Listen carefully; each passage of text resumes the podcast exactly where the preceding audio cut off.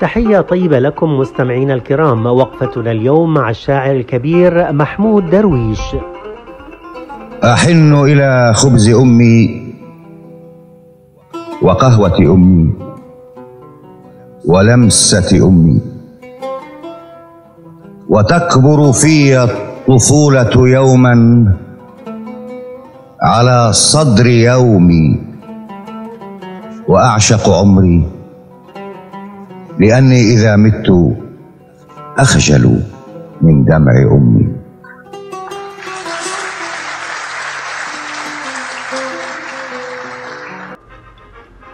هذه بعض إبداعات شاعر فلسطين الكبير محمود سليم درويش الذي كتب وثيقة إعلان الاستقلال الفلسطيني عام 1988 ولادته كانت في قرية البروة الواقعة قرب ساحل مدينة عكا في الثالث عشر من أذار عام 1941 وما هي إلا سنوات قلائل حتى عاش مأساة تهجير أسرته إلى لبنان بسبب النكبة الفلسطينية عام 1948 ولكن بعد عام واحد عادت الأسرة إلى قرية الجديد الواقعة في الأراضي المحتلة عام 48 وعن ذلك يقول محمود درويش فبقينا في لبنان حوالي سنة في انتظار أن تنتهي الحرب وأن يحرر جيش الإنقاذ فلسطين وكنا نعيش في ما يشبه السياحة المؤقتة أو النزهة.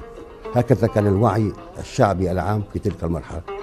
إلى أن أدرك أهل الحقيقة وعادوا متسللين إلى فلسطين لكي لا يجدوا أي أثر أو معلم للمشهد الطبيعي الأول وهو قريتهم الأولى كانت قد دمرت تماما آه، في أثناء حرب 48 وهكذا وجدت نفسي أحمل اسما جديدا بدل أن أحمل اسم طفل اسم لاجئ في بلادي أو حاضرا غائبا في بلادي. لكن محمود درويش لم يستسلم لهذا الواقع فقام بمناهضة الاحتلال الإسرائيلي ما أدى إلى اعتقاله عدة مرات على يد الاحتلال وخاصة عام 1961 وحكم عليه أكثر من مرة بالإقامة الجبرية إلى أن خرج عام 1972 للدراسة في الاتحاد السوفيتي. وانطلق لاحقا نحو القاهرة فالتحق بمنظمة التحرير الفلسطينية. وشكلت عودة الشاعر درويش إلى الوطن بداية مرحلة جديدة بالنسبة له. ولو أنه في بعض الأحيان اختار الاغتراب الطوعي في فرنسا لفترات معينة. ترك بصماته الهامة في القصيدة العربية الحديثة وعبر بصدق وحساسية عن قضية العرب الأولى فلسطين. وكان لأشعاره الوطنية دورها الهام في توضيح أبعاد القضية الفلسطينية على المستوى العالمي وذلك من خلال تعبيره الإنساني الرفيع المشفوع بحب الحياة ما استطعنا إليها سبيلا كما يقول محمود درويش. ونحن نحب الحياة إذا ما استطعنا إليها سبيلا ونرقص بين شاهدين. نرفع مئذنة للبنفسج بينهما أو نخيلا نحب الحياة إذا ما استطعنا إليها سبيلا ونسرق من دودة القز خيطا لنبني سماء لنا ونسيج هذا الرحيل. مؤلفات كثيرة كانت لمحمود درويش. منها عصافير بلا أجنحة وأوراق الزيتون وعاشق من فلسطين. آخر الليل العصافير تموت في الجليل. حبيبتي تنهض من نومها. أحبك أو لا أحبك؟ محاولة رقم سبعة.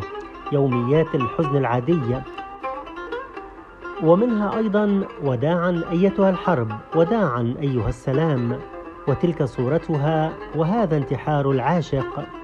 من مؤلفاته أيضا أعراس ومديح الظل العالي وحصار لمدائح البحر وهي أغنية وورد أقل.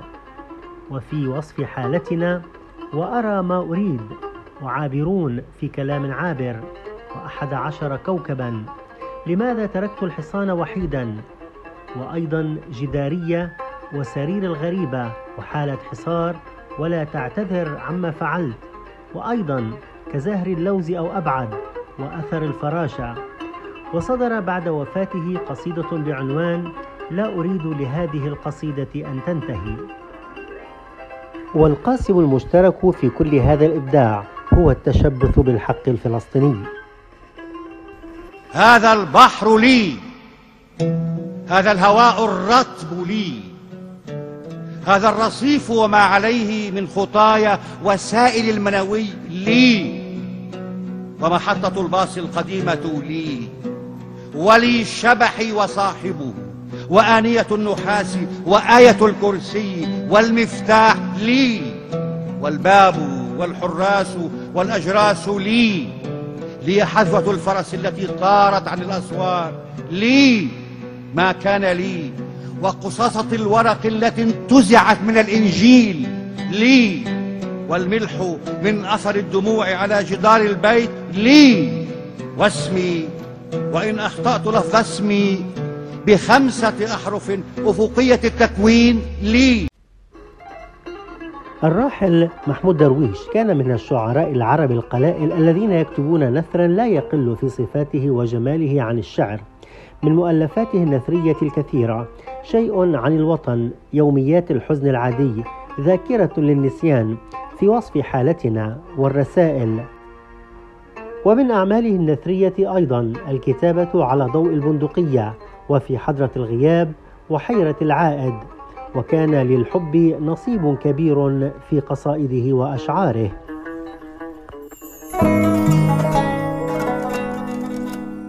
هكذا تولد الكلمات.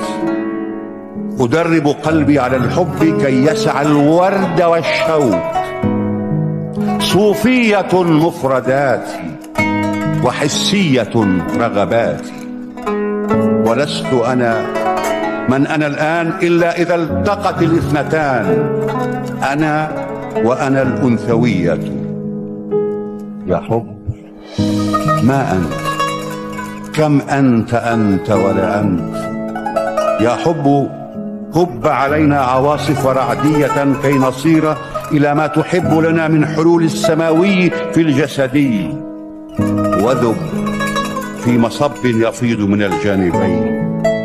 فأنت وإن كنت تظهر أو تتبطن لا شكل لك.